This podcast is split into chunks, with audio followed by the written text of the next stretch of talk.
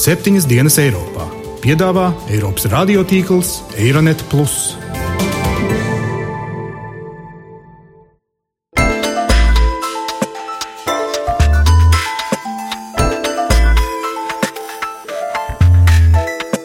Šonadēļ septiņas dienas Eiropā dzirdēsim.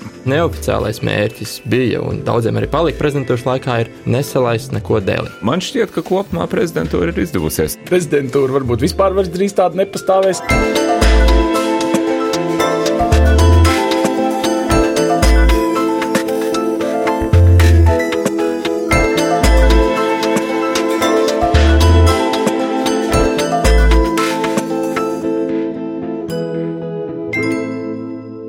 Labdien, godējamie klausītāji! Latvijas radio studijā Kārlis Streips. Ceru, ka jums visiem bija ļoti, ļoti jauki Jāņi un ka papardes zieds nudien ziedēja koši jokoši. Sveicam jūs septiņas dienas Eiropā. Raidījums, kur pētām un stāstām, kā tas, kas notiek Eiropā un pasaulē, ietekmē arī mūs tepat Latvijā. Latvijas prezidentūra Eiropas Savienības padomē ilga no šī gada 1. janvāra līdz 30. jūnijam. Padomes grožus parīt nodosim tālāk Luksemburgai. Lai veicas! Tālāk šodien raidījumā atskatīsimies uz Latvijas prezidentūras laikā paveikto un spriedīsim par to, kādi prezidentūras notikumi bijuši ar vislielāko rezonanci Eiropā un pie mums. Toties vispirms uzklausīsim dažus viedokļus par šīs nedēļas būtiskajiem notikumiem.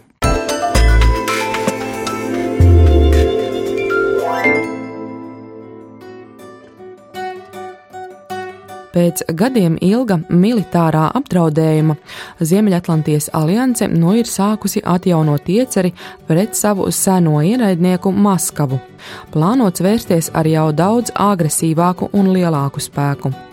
ASV aizsardzības ministrs Eštons Kārters, viesojoties Tallinā, apstiprināja Savienoto valstu plānus septiņās Eiropas valstīs, tostarp arī Baltijā, izvietot apmēram 250 smagā bruņojuma vienības.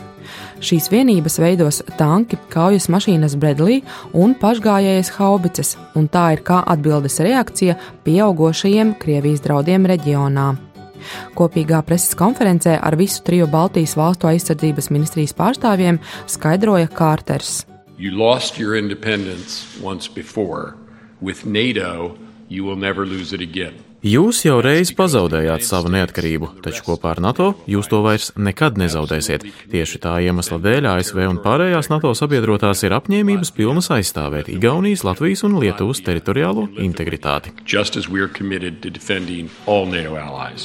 Pēc ilgstošas militāro tēriņu samazināšanas un misiju veikšanas ārpus NATO robežām, sākot ar Balkāniem un Āfrikas ragu, Austrumēropa ir kļuvusi par teju vājāko NATO posmu, skaidro Igaunijas aizsardzības ministrs Svens Miksers. We have reasons to believe that uh, Russia views the Baltic region as uh, one of NATO's most vulnerable areas. Mums ir iemesls uzskatīt, ka Krievija izmantoja Baltijas reģionu kā vienu no NATO visvājākajām vietām vietu, kur varētu vislabāk izmēģināt NATO apņemšanās un saistības. Tādēļ ir ļoti svarīgi, lai mēs ne tikai izpildītu savu norunas daļu un stiprinātu savas militārās spējas, bet arī stātos aci pret aci pretim Krievijai. That we are uh, united in our resolve to defend each and every uh, allied nation Krievijas īstenotā Krīmas aneksija un tās loma konfliktā Ukrainā jau ir izraisījusi to, ko NATO ģenerālsekretārs Jens Stoltenbergs nesenā intervijā ir nosaucis par lielāko NATO spēku pastiprināšanos kopš augstā kara beigām. NATO valstu aizsardzības ministri sanāksmē Briselē aizvadītajā nedēļā nolēma trīskāršot alianses ātrās reaģēšanas spēku personāla sastāvu palielinot to no pašreizējiem 13,000 līdz 40,000 cilvēku.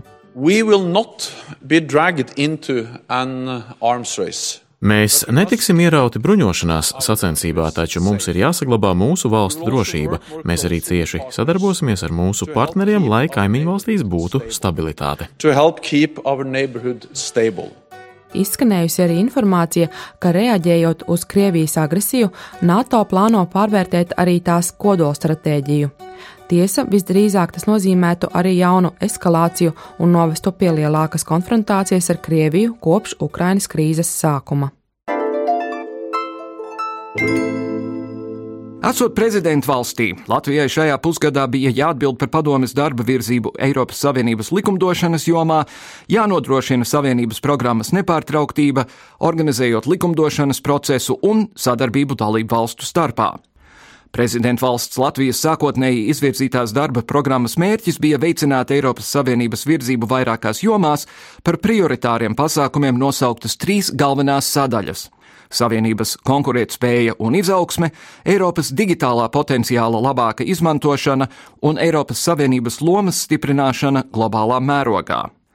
Tādas bija tās ieceres, toties noslēgumā atskatoties, varam secināt, ka patiesībā Latvijas prezidentūra visdrīzāk atminēsies par Rīgas austrumu partnerības samitu, Čārlī Hebdo un Kopenhāgenes slaktiņiem, vidusjūras migrantu krīzes vadža lūšanu un par kādu plašākām ļaužu masām maz zināmu likumdošanas iniciatīvu, proti Eiropas strateģisko investīciju fondu regulas izstrādāšanu.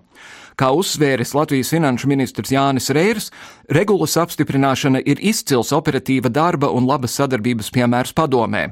Latvijas prezidentūra pusotra mēneša laikā ir spējusi novadīt diskusijas par regulu no sākotnējā piedāvājuma līdz skaidram un līdzsvarotam kompromisam, ko atbalstīja visas dalību valstis.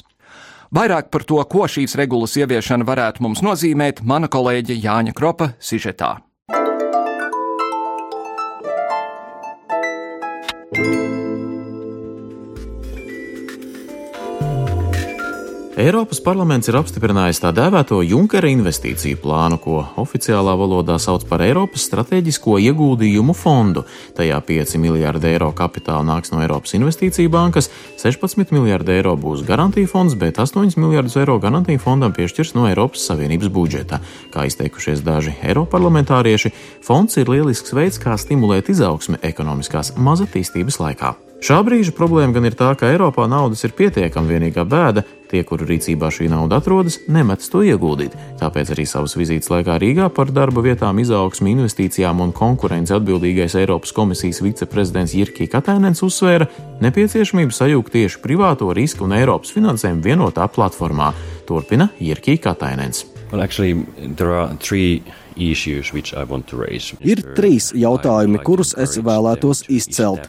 Es vēlētos iedrošināt iedibināt vietējo investīciju platformu, kas nozīmē, ka tajā būtu gan valsts, gan privāto investoru līdzekļi, kurus saliekot kopā varētu pretendēt uz Eiropas investīciju fonda atbalstu. Šī jaundibinātā platforma varētu neatkarīgi izvēlēties projektus un arī piedāvāt finansējumu vidējiem un mazajiem uzņēmumiem.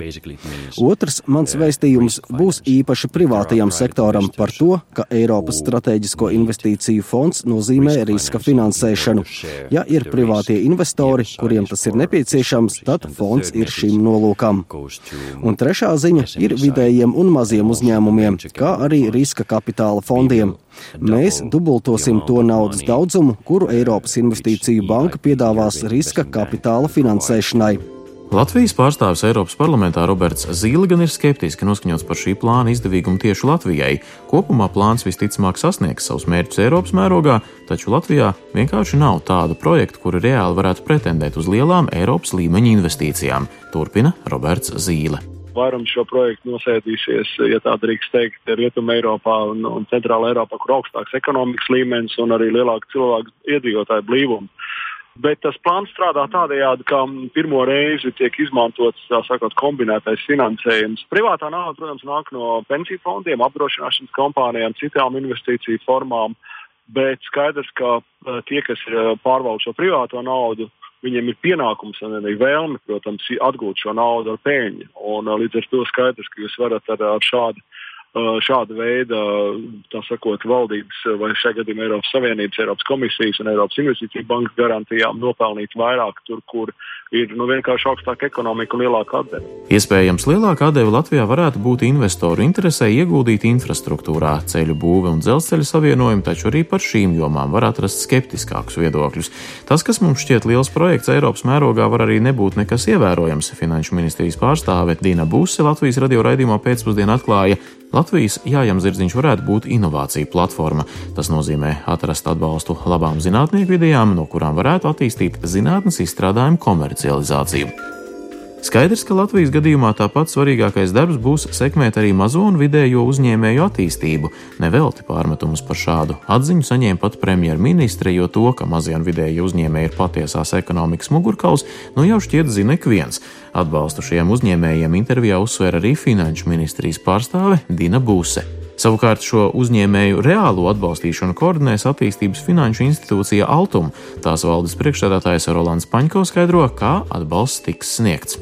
Šo finansējumu šī atbalsta instrumentu kopumu ietvaros es gribētu dalīt divās daļās. Tie ir lielie projekti, kuri tieši tiks finansēti no Eiropas Investīciju bankas, un finansējums mazākiem projektiem, nu, zem 20 miljoniem un mazākiem projektiem, MVU projektiem, kas tiks finansēts no tā saucamajām nacionālajām platformām, kuras tad arī veido katra valsts atbilstoši savai nepieciešamībai.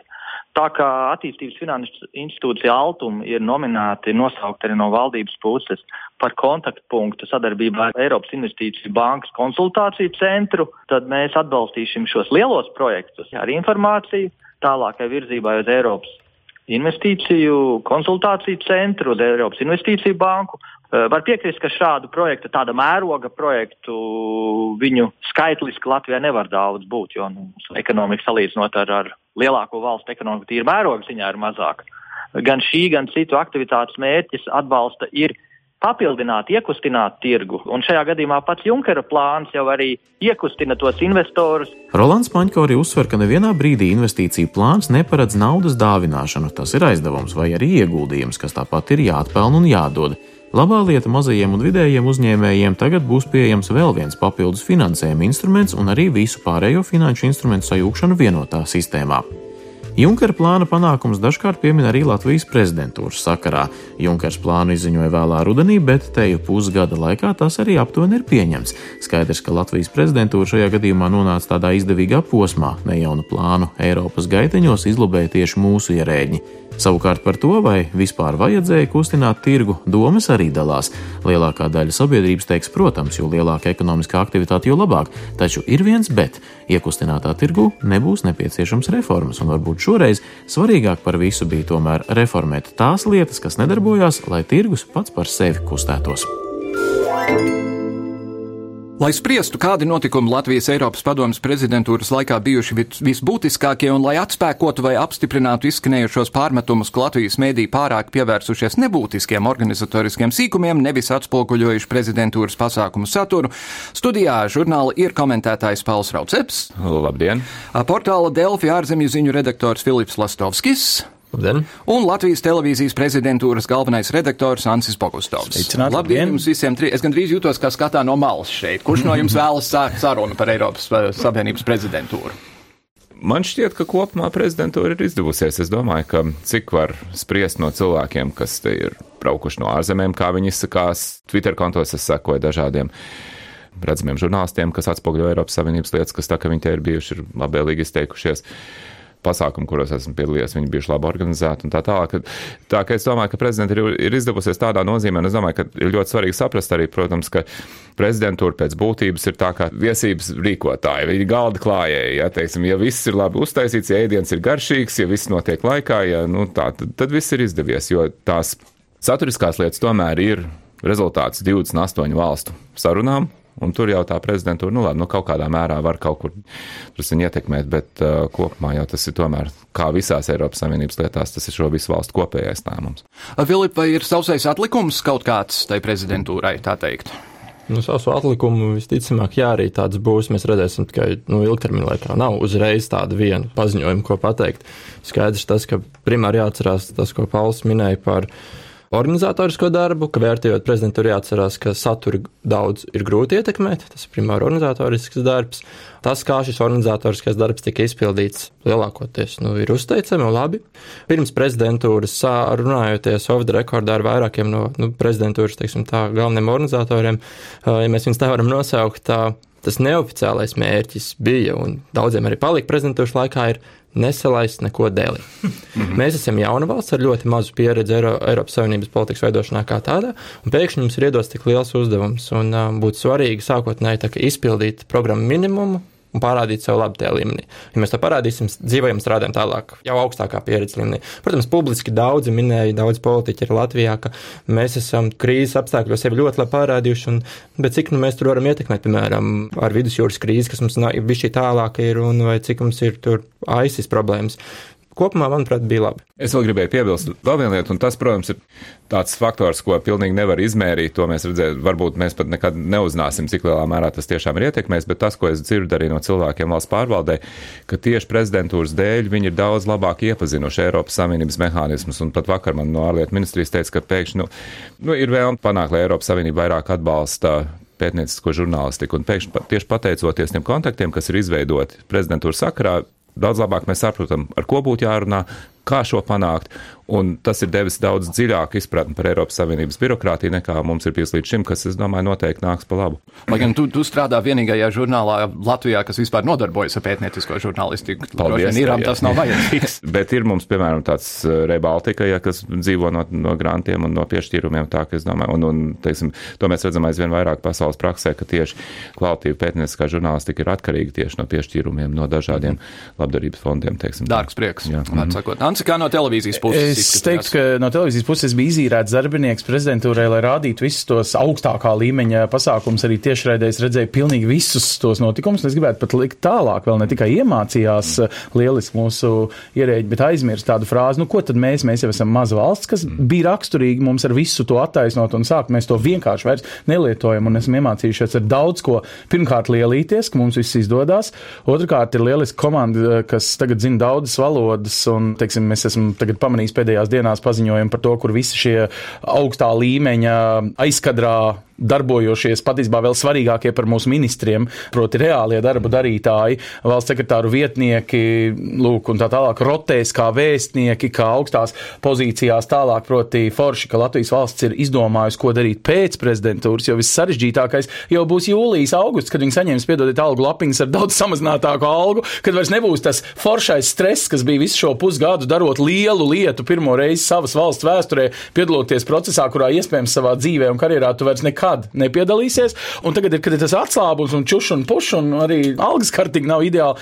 Tur ir zināms risks viņus visus pazaudēt. Labā ziņa ir, ja viņi paliks Latvijas biznesā, viņi, protams, savu tur gūto ieguldīs. Cilvēku resursā ieguldītie miljoni, kā mēs sākumā žurnālistiski kritizējām, patiesībā nesīs ļoti lielu labumu, un tas būs pilnīgi reāls, un es pat teiktu jau tagad izmērams. Otrs, man liekas, ka Latvijas valsts pirmo reizi savā vēsturē norēģēja, ka mēs varam arī neplānot ilgtermiņā lietas un superīgi norēģēt bet prezidentūras pirmajās dienās bija uh, Parīzes traģiskās bombardēšanas, un mēs sapratām, ka tas nozīmē, ka jā, mums ir iespējams bišķi jāatvadās no trim savām gadiem lolotajām prioritātēm, un arī cīņa pret terorismu ir vienlīdz svarīga, pieauga trakumi vidusjūrā ar cilvēku daudzumu, kas ceļoja izmisīgi uz Eiropu. Mēs spējām, kā saka, šo Latvijā ikdienā nesaprotamo problēmu gan kaut kā sākt uzklausīt, vadīt, sākt debates par to.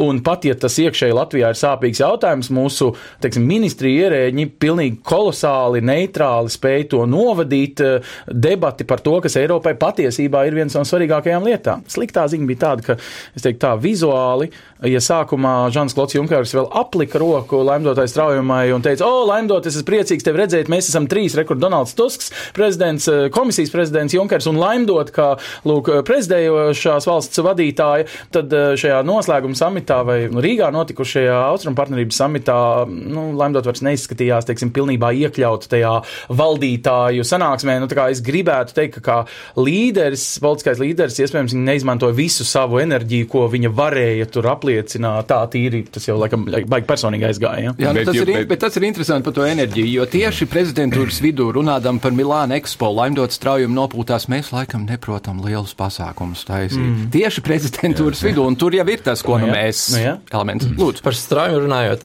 un enerģiju, teiksim tā. Vilkt paralēlis ar Polijas prezidentūru un 11. gadu mm. un to brīdi, kad ir uh, erozieno krīze. Un ir prezidējošā valsts, kurai tādējādi būtu jāuzņemās līderība. Taču Polija nav eirozonā tajā laikā. Līdz ar to viņi paliek mazliet ārpusē. Šobrīd mēs esam 2005. gadā, ir lemdots straujuma un ir mazliet līdzīgi. Mēs esam, ja mēs esam Eirozonā, bet tā vairs nav tā aktualitāte. Aktualitāte ir vidusjūra, protams, ir arī austrumu robeža, bet ir vidusjūra, ir ISIS, ir Grieķija Grieķijas krīzi, un mēs vairs neesam tā centrāla valsts, kas risina šos jautājumus. Līdz ar to mēs vairs vienkārši tādā dabiskā ceļā, tā strauji mm. mazliet atkāpjas. Es gan gribētu mēģināt interpretēt Junkera ķermeņa valodu, varbūt, jo, jo es nezinu, vai jūs esat redzējuši to smieklīgo video, kas tika atteicis, kā viņš sagaidīja visus šos cilvēkus. Un, nu, labi, ka viņš nebučoja lēmdot straujumu galvas vidū, jā, jā. kā viņš darīja dažiem plipkaurainiem vīriešiem, kas tur nāca klāt. Un, un tā, Ungārijas premjerministru sagaidīja vārtiem sveiks diktators. Jā, un vienam burtiski iezvēl pa, pa vaigu tā, ka tur vispār tā uzvedība bija tāda. Mūsu premjerministra netika iepļaukāta vismaz tik nu. Aizkadrā runājot, Junker kungs eh, bija tiešām laikam kunga prātā, bet viņš eh, diezgan labi arī to menedžēja, jo viņš uztaisīja arī daudz politiskos joks. Es nezinu, vai jūs savukārt pamanījāt vēl vienu, kādu viņš piemēroja Grieķijas eh, premjerministram Cipram savu šlipsi. Un, kā zinām, Ciprs ir slavens ar to, ka viņš šlips nevalkā, jo tie pārējie, tie, tie sliktie un es lūgu Grieķijā, es tas vienīgais labais un tā tālāk. Tur bija arī daudz tādi aizkadra zemteksti, nu kā tāda tādas spēles starp viņiem, kā starp līderiem. Septiņas dienas Eiropā šonadēļ tanku variants. Cik ir taisnības tam apgalvojumam, ka Latvijas mediji patiesībā šo lietu ne īpaši ievēroja un rakstīja par kaut kādiem sīkumiem un tā tālāk?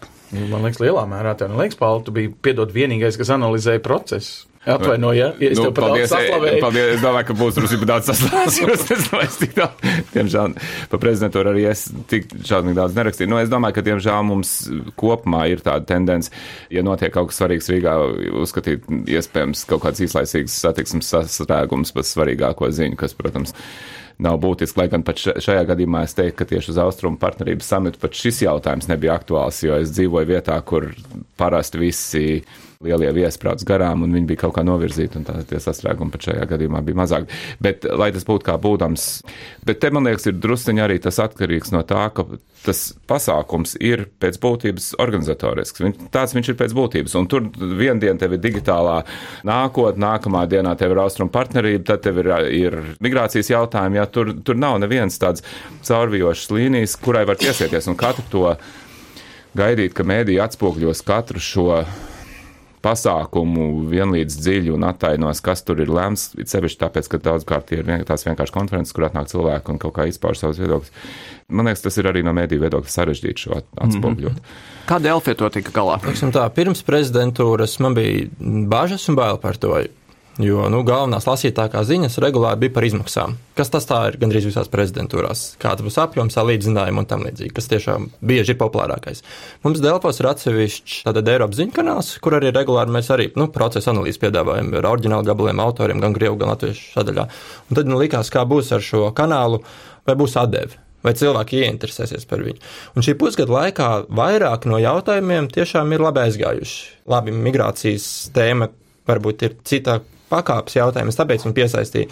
Bet arī, piemēram, par Azerbaidžānas sporta spēlēm, kur tad Latvijas kā prezidentūras nostāja šajā jautājumā. Šādi tipi jautājumi, kas principā ir par cilvēktiesībām un bieži masu auditoriju tik ļoti neuzrunā, cilvēki pavilkās uz to lasīja, un daudz jautājumi bija pacēlās krietni augstāk par parasto, cik maksāja prezidentūra kopumā līmeni. Mm -hmm. Tā kā mēs, domāju, savā redakcijā esam priecīgi par to, kā cilvēki interesējās, cik dalījās ar šīm ziņām sociālajos tīklos, cik lasīja un kāds bija atsauksmes. Un Latvijas televīzija? Es teiktu, ka mēs zaudējām iespēju visus tos korifejus, kuri patiesībā bija tur zālē un nav tikai parastas konferences, bija arī augsta līmeņa konferences. Mani divi novērojumi ir, ka daudzos svarīgu līmeņu jautājumos, nu, piemēram, kohēzijas fondu sadalēs programmu. Protams, skan šausmīgi šīs sēdes nosaukums. Patiesībā tie ir ministri, kas lems, vai kur un kā turpmāk Eiropas naudu šajos fondos, kas Latvijas gadījumā ir katrs septītais mūsu valsts budžets no Eiropas nāks, likt vai nelikt, kurās nozarēs noteikti nē, kurās noteikti jā. Latvijas preses tur nav nemaz. Vēlreiz, tas ir katrs septītais mūsu valsts budžets, kuru, piemēram, Grieķi nobremzēs. Tādās debatēs mēs vairs nepiedalāmies kā presa, nesakojam. Otra ļoti svarīga lieta - digitālā Eiropa. Protams, atkal kārtējais nosaukums, kurš varbūt sauksim slavenajai Tantei Bauskā, nav īsti saprotams. Bet, ziniet, ja jūs salīdzināt, piemēram, Latvijas Telekom un LMT šefus, kas sēž tur, un tā ir Latvijas iedibināta tradīcija, pie Eiropas lēmumu pieņemšanas galda vienlīdz un komentē, palīdz šiem ministriem tā kā tikt skaidrībā. Un, ja jūs salīdzināt, kas ir LMT un Latvijas Telekom starp British Telekom, France Telekom, Ita Itālija telekomunikācija vai kā nebūtu sauc to kompāniju, kur apgroz miljārdus salīdzinoši ar mūsu, teiksim, diviem miljoniem, nu, es tā proporcijās, kas ir Latvijas un LMT Eiropā kā spēlētājs, bet šajā brīdī viņi piedalās šīs lietas virpināšanā, taisīšanā. Man liekas, ka tas iemācīja arī mūsu lūk kompānijām, visu cieņu Latvijas tiekšām valdībai vai šiem prezidentūras organizatoriem, kas iedibināja pilnīgi jaunu, sauciet to pat, ja gribat, par demokrātijas standārtu Eiropas Savienībā, jo, kā zināms, tie ir biežākie pārmetumi, ka Eiropas Savienībā lēmumi patiesībā tiek pieņemti aiz slēgtām durvīm. Lūk, šajās ministrijas ministru un līderu sanāksmēs. Šīs nebija slēgtas durvis. Mm. Šeit nāca iekšā šie eksperti, drīkstēja runāt un runāja, citreiz pat garāk nekā ministri. Jā, un droši vien Lielbritānijā British Telecom nav tāda liela priekš, nu, priekšnāka. Nezvai, nezvai, vai ne? Mm -hmm. Jā. Es gribēju piebilst, ka noteikti ir tā, ka te atbrauc daudz cilvēku, kurus būtu bijis interesanti nointervēt, un žurnālisti vienkārši to neuztvēra. Un te, man liekas, diemžēl nu, mums jāatzīst, ka mēdī vidi ir noplicināta mums, jā, mm. teiksim, nav tik daudz cilvēku, kas var atļauties specializēties Jā. vienā šādā jomā, lai viņi varētu apskatīt šādu konferences darba kārtību un pateikt, ah, šis ir cilvēks, ar ko noteikti būtu jārunā. Nu, akmens mediju dārziņā, bet, nu, diemžēl diezgan objektīvs, jo tas tā mediju finansiālā un tā veiktspējas situācija ir tāda, kāda viņa ir. Runājot par austrumu partneru attiecību eh, samitu, viens, kas izskanēja no Latvijas valdības tajā laikā, bija, ka ar prezidentūras beigām nebeigsies Latvijas iesaisti šajā austrumu partnerības programmā un Latvija turpinās tā darboties. Ņemot vērā to, ka tajā samitā kā tādā bija diezgan konkrēti redzams, ka ir dažādas valstis ar dažādu statusu un dažādā attīstībā, attīstībā. Tagad, kad tas uzsvars vairs nebūs konkrēti Rīgā, kas ir tieši šajā teritorijā, un, teiksim, būs Luksemburgā, mm -hmm. vai ir ticams, ka tiešām tā programma turpinās attīstīties ar spāru? Liekas, ka ļoti maz ticams, tāpēc, ka visas nākamās prezidentūras nākamajos gados līdz samitam, kuram jānotiek ik pēc diviem gadiem, piedara pie valstīm, kurām Ukraina neliekas svarīgāka, bet, piemēram, vidusjūra, piemēram, notikumi, kas notiek, vēl aizvien nav beiguši kūsāt Ziemeļāfrikā kā tādā. Attiecīgi būsim reāli. Tad, kad Grūzijas ārlietu ministra sēdēja Rīgā un izmisīgi pēdējās stundas pirms samita skatījās Latvijas līderiem acīs un teica, lūdzu, lūdzu, palīdziet mums dabūt kaut kādu tajā gala noslēguma teikumā, vismaz ko sauc Grūzijas Grūzijas valodā par cerībām uz dalību Eiropā, ko Grūzija nedabūja. Tas priekš Grūzijas bija tas kā angļuiski saka, window of opportunity vai iespēja durvis, kuras bija atvērušās uz tuvāko, iespējams, četru gadu laikā atkal neatvērsies. Ja? Tādā ziņā prezidentūras loma bija milzīga. Latvijai gan paveicās, ka iekrita kalendārā, gan tas bija Latvijas liels punkts par to strādāt. Varēja redzēt, ka visi diplomāti gan jūt līdzi un tiešām tās īpašās jūtas, kādas mums ir pret Gruziju un Ukrainu, ne tikai jo mēs esam bijušās padomju teritorijas eh, un saprotam to ļaunumu, kas tagad nāk ārā no mūsu bijušās galvaspilsētas. Ciniem, es domāju, ka mums ir jānovērtē arī, tas, ko prezidentūras laikā Latvijas diplomāti centās, bet nesasniedza, noteikti tiks novērtēts kā vismaz centieni, kā draudzīgs žests. To pirmkārt valstu pusē, nu, kuras tad cer uz to vairāk dalību partnerībā. Nu, par pašu Eiropas procesu, nu, visas prezidentūras Luksemburga, pēc tam Slovākija, ja nemaldos, pēc tam ir Nīderlanda drīz vien, nu, labi, Nīderlandē. Bet, nu, teiksim, ne jau Latvija, ne jau Luksemburga viena pati izlēms, vai Ukrainai, Jā. piemēram, piešķirt bezvīzu režīmu. Tā ir taisnība, bet tas jautājums, vai būs atkal pēc diviem gadiem tāda līmeņa.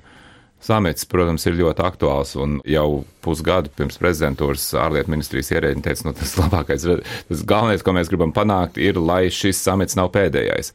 Un man jāsaka, ka pat labi nav īsti skaidrs, vai šis mērķis ir sasniegts. Jo, jo kā Anna saka, jo, teiksim, tā gaisotne bija diezgan tāda vēsa, ja un par spīti visam darbam, ko bija ieguldījuši Latvijas diplomāti. Tas rezultāts tajā gala ziņojumā nebija tik spēcīgs, kā varēja cerēt. Mm -hmm. Protams, ir jāatzīst arī, ka kopumā Eiropā tie politiķi, kas ļoti iestājas par šiem jautājumiem, redzamāk jau vairs nav avatos. Karls Pilts vairs nav mm. Zviedrijas ārlietu ministrs, Radeks Šikorsks vairs nav Polijas ārlietu ministrs, viņš vispār tagad ir izlidojis no vadošiem amatiem Polijā. Tā ka tur, teiksim, šāda lieluma un ietekmes valstu atbalsts būtu ļoti palīdzējis Latvijai šajā, mm -hmm. šajā darbā.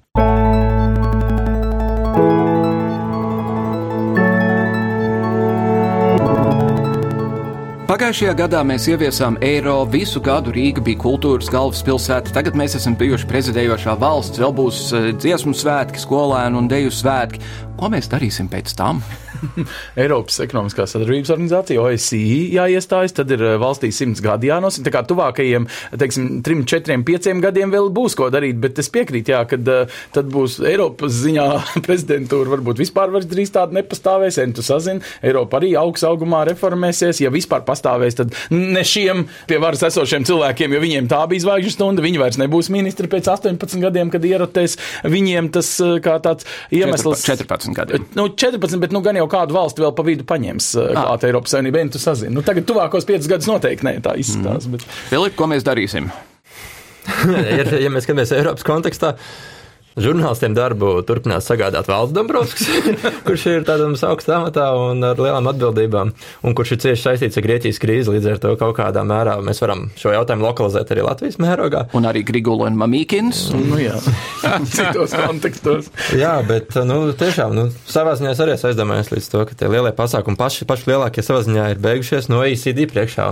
Tas mums atgādina to veco jautājumu par to, ka nu, mēs atjaunojam Latvijas republiku, mēs iestājāmies NATO iestājāmies Eiropas Savienībā, nu, ko tālāk, nu, labi, OECD ir tāds liels mērķis, sasniedzam OECD, dabūjām eiro, kas valstī kā tāds mērķis. Kur vēl mēs varam stāties? Kur vēl mēs varam tā stāties, bet, nu, kā vienkārši mēs ņemam tās pieredzes, ko ieguvām prezidentūrā un nu, mēģinam nostabilizēt savu lomu Eiropas Savienībā, tā, kā sadarbojamies ar tām valstīm. Vēl iespējams, ka tā kā Pauls korekti minēja par to, ka Sikorskis un, un Karls Bilds bija viena no šiem vadošajiem cilvēkiem, austrumu partnerības politikas veidotājiem, iespējams, ka Latvija varētu, tā vieta līdz galam nav vakanta. Šobrīd primārais šis cilvēks, kas turpina šo politiku, ir Igaunijas prezidents. Mm -hmm. Viņš ir viens no spēcīgākajiem intelektuāļiem, kurš sekojas Biltu un Sikorska šobrīd. Varbūt Latvija var piedāvāt savu kompetenci šajā jautājumā. Raimond Vējoni, centieties. es zinu, ka Eiropā jau diezgan sen burbuļo doma, ka patiesībā šī rotējošā prezidentūra ir diezgan bezjēdzīga, tāpēc, ka Eiropai ir sava centrāla un tur tās visas lietas notiek. Vai tā tas ir un vai mums ir iemesls gaidīt, ka pēc 14 vai 15 gadiem mums atkal pienāks kārta? Personīgi, noskatoties visu šo procesu, es domāju, ka tam bija jēga. Pirmkārt, tāpēc, ka ļoti liels skaits dažādu politiķu ierēģņu atbrauc uz Rīgu un varēja novērtēt mūsu valsts ne tikai no tā, ka viņi redz kādu, kas kādreiz atbrauc uz Briseli, ja, kas var būt vai nebūt reprezentatīvs, bet viņi atbrauc un viņi redz kā mēs dzīvojam. Un man liekas, ka tas, es pats esmu to pieredzējis, cik bieži cilvēki, kur neko daudz nezina par Latviju, atbrauc šeit un viņi ļoti pozitīvi novērtē to, ko viņi redz. Un tas uzreiz rada pozitīvu fonu un, teiksim, tādu pozitīvu noskaņojumu pret mums. Es domāju, ka arī šī iespēja vismaz novērot, kā lēmumi tiek pieņemti visdažādākās jomās, arī tajās, kurās mēs varbūt neesam tik aktīvi, ļoti palīdz mūsu ierēdniecībai. Es gribēju vēl piebilst vēl par šo jautājumu, ar ko mēs tagad, nu, kas -hmm. būs mūsu tie lielie mērķi, un, un tā jau ir, ka mazai valstī bieži vien ir svarīgi svarīgi atrast kaut ko ārēju, ar ko salīdzināties, ar ko samēroties. Es personīgi domāju, ka OECD ir svarīgs mērķis, bet es domāju, ka būs grūti iestāstīt Latvijas iedzīvotājiem, kāpēc tas ir tik svarīgs un būtisks. Un kas bet, tas vispār ir? Jā, un kas tas vispār ir. Bet ir citas lietas, kuras mēs varētu, un es domāju, ka vajadzētu nostiprināt kā tādām lietām, kuras mums ir jāpanāk, ir startautiskais izglītības sekmju mērījums, PISA. Ja mēs varētu pateikt, ka mēs gribam uzlabot mūsu skolēnu sekmi šajā, teiksim, tik lielā mērā nākamo piecu gadu laikā, tas ir Piemēram, ja tas varbūt nav vienīgais, bet tas ir objektīvs un ļoti iecienīts mērījums, un tas būtu ļoti svarīgi mūsu tālākai attīstībai. Mm -hmm. domāju, mums ir jānosprauž šādi mērķi un uz viņiem mērķiecīgi jāiet. Turklāt ar viņiem vajadzētu arī nu, samērīties ne tikai, kad mēs ejam uz pīzes augstākiem standartiem, mm -hmm. mēs patiesībā ejam uz kaimiņu valsti Somiju, Norvēģiju, jā. Zviedriju, Igauniju, uz kaut ko Igauniju, tā skaitā, protams, jā, jā. man tikai nepatīk vienmēr tos Igaunijas piesaukt, bet idejiski. Bet, bet, bet viņi ir jā, jā, pilnīgi pareizi, bet tas dod arī cilvēkiem daudz saprotamākus tos atskaites punkts, lai ar kaut ko samērītos. Savukārt par to, kas vēl un ko tālāk, jūs zināt, kas notika prezidentūras laikā, kas varbūt ir vienkārši jārēķinās. Pāli, tev būs zvani, tev būs Filips zvani, varbūt arī man kāds kolēģis zvanīs. Šeit bija ļoti daudz eh, rietumu žurnālistu prezidentūras dēļ. Šeit bija, es, nezinu, es piemēram, piedalījos diplomātu apmācībās, moderēju vienkārši dažas no sesijām, redzēju, ar kādām atvērtām acīm viņi klausās, ziniet, kažociņā. Mūsu nevienmēr Latvijā saprastajā ekspertā, kurš, eh, lūk, vadīja kādreiz satversmes aizsardzības biroju, par viņa atklāto valodu diplomātiem sakrustotām rokām sēdošie francūži un briti, kas tajās mācībās, nu, ko jūs mums te Latvijā tagad mācīsiet aizkadra kaut kādu prezidentūras, eh, tā teikt, lielajai nācijas daļai neredzamais pasākums, eh, mēs te diskutējam, ja? Viņi atbrīvo tās rokas, viņi sāk klausīties, viņi paver muti, viņi ieklausās, viņi noliek telefonu malā, viņi vairs nečato Facebookā paralēli, ja? Viņi dzird, ka mums ir mūsu prasmes, kažociņ kungam piemēram, tikai kā vienam no piemēriem, tur bija arī piebalkungs, tur bija uh, Edvards Stiprais, nu, varbūt Latvijā maz kurš viņu zina, bet viņš ir ārlietu ministrijas, teiksim, svarīgākais politiskā līmeņa ierēdnis, bijis arī Latvijas mm -hmm. vēstnieks un tā tālāk. Viņā ieklausās uh, cita līmeņa diplomāti, kas tagad labāk saprot mūsu, nezinu, sauciet to par vēsturisko kontekstu vai nacionālo sāpi vai izpratni par to, kā mēs redzam, kā Eiropas Savienībā ir jāattīstās. Un, un tas līdz šim patiesībā nenotika. Patiesībā pie apaļā, mm -hmm. ah, Latvija runā, es drīkst aiziet pēc kafijas vai desmaizes tajā sēdē, tāpēc, ka, nu, ko tad tur Latvija runās pie tā apaļā it kā visiem no, pieejama apspriež galda. Nu, katrā gadījumā, man liekas, rezumējot, mēs varam teikt, ka Latvija tagad ir iesaistīta Eiropā citā augstākā pakāpē Noteikti. nekā tas bija pirms tam. Un tas, tas ir pavisam jauki. Pauls Raudzēbs, Filips Lastovskis un Ansis Bogustovs. Paldies jums visiem trim par sarunu! Amerikāņu dziedonis, humorists, rakstnieks un politiķis Kinky Friedmans reiz rakstīja, par naudu var sev iegādāties graznu, jo graznu suni, bet tikai ar mīlestību panākšu, lai tas luncina asti. Mēs septiņas dienas Eiropā esam iegādājušies smuku mazu sunīti, kas saka vau, vau, vau, diemžēl bez astes. Ieceres attiecībā uz efektīvāku Eiropas Savienības fondu līdzekļu izlietojumu intervijā Euronet Plus komentēja Eiropas Savienības komisāre budžeta jautājumos Kristalina Georgieva. In many cases, uh, they create a bit of moral hazard because, hey, It's free money. Komisāri norādīja, ka Eiropas Savienības dalību valstis nevienmēr nodrošina pietiekamu un pareizu kontroli pār Eiropas Savienības fondu līdzekļu izlietojumu.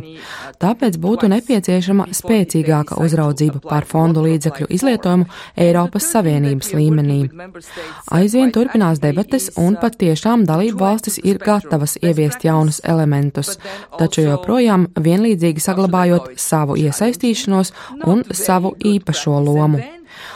Komisijas priekšlikums bija vērienīgāks nekā tas, kas mums ir redzams pat laban. Ir tā, ka Eiropa joprojām izdzīvo pielāgošanās periodu, ir daudz pārdomu un mācību. Šobrīd aptuveni 90% no Eiropas Savienības budžeta tiek izmantoti kā granti projektiem, un Eiropas komisija situāciju vēlas mainīt. Laiki, kad varējāt saņemt naudu savām idejām neatkarīgi no tā, cik tās bija labas, ir pagājuši. Turklāt mēs atklājām arī krāpšanas un nekas netiek darīts. Lai likvidētu šo plaisu, mums ir vajadzīgs tāds kā Eiropas prokurors, jo mums ir vajadzīga Eiropas atbilde uz Eiropas problēmu. Ar to arī izskan mūsu raidījums šonadēļ, dāmas un kungi. Galu galā Eiropas Savienības prezidentūra tomēr Latvijai bija diezgan liels gods. Šīs tas tika panākts un varam katrā gadījumā priecāties, ka mūsu jaunā nacionālā bibliotēka tagad atkal būs mūsu rīcībā. Nākamnedēļ raidījumu vadīs kolēģis Jānis Krops, es atgriezīšos pēc divām nedēļām. Pagaidām, dāmas un kungi, visu labu!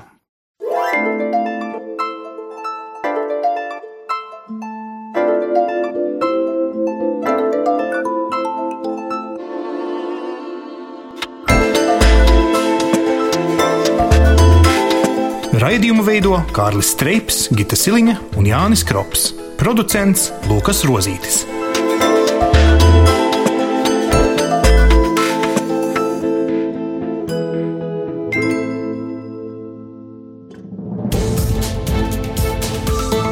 Visus Eironet plus sižetus un raidījumus meklējiet Latvijas radio mājaslapā.